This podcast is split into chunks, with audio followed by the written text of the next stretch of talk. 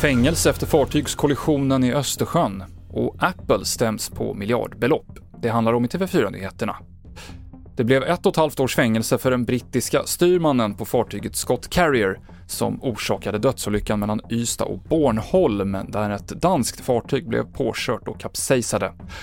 Styrmannen var påverkad av alkohol och pratade i telefon vid kollisionen och en av de två besättningsmännen på den danska båten hittades senare död och den andra har ännu inte återfunnits.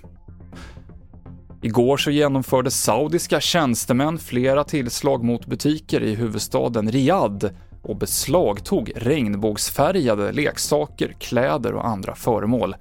Enligt myndigheter i Saudiarabien så genomfördes de här razziorna för att barn och unga inte ska utsättas för homosexuella färger.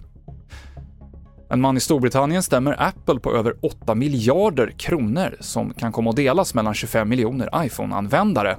Han menar att Apple med en uppdatering medvetet gjorde telefonerna långsammare eftersom batterierna inte klarade av det nya operativsystemet.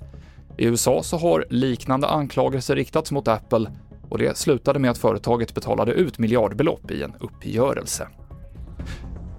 Och E12 mellan Umeå och Obbola fick stängas i båda riktningarna idag. Orsaken? Fisk på vägbanan, något som Axel Turborn bevittnade. Eh, ja, men jag och pappa var på väg mot stan och så såg vi trafiken saktade sig ner lite grann längs E12 och så såg jag en massa blå tunnor som låg i diket. Eh, och så när vi kom fram en bit så kunde jag ju se att det var, det var någonting som hade spillts ut och så drog jag ner rutan och kände den här fiskstanken. Och så såg jag alla alla fiskar som låg på marken och som hade farit ut. Jag skulle gissa att dörrarna har väl flugit upp i farten och så har tunnarna farit ut. Och du kan se bilder på det här på tv4.se. I studion nu Mikael Klintevall.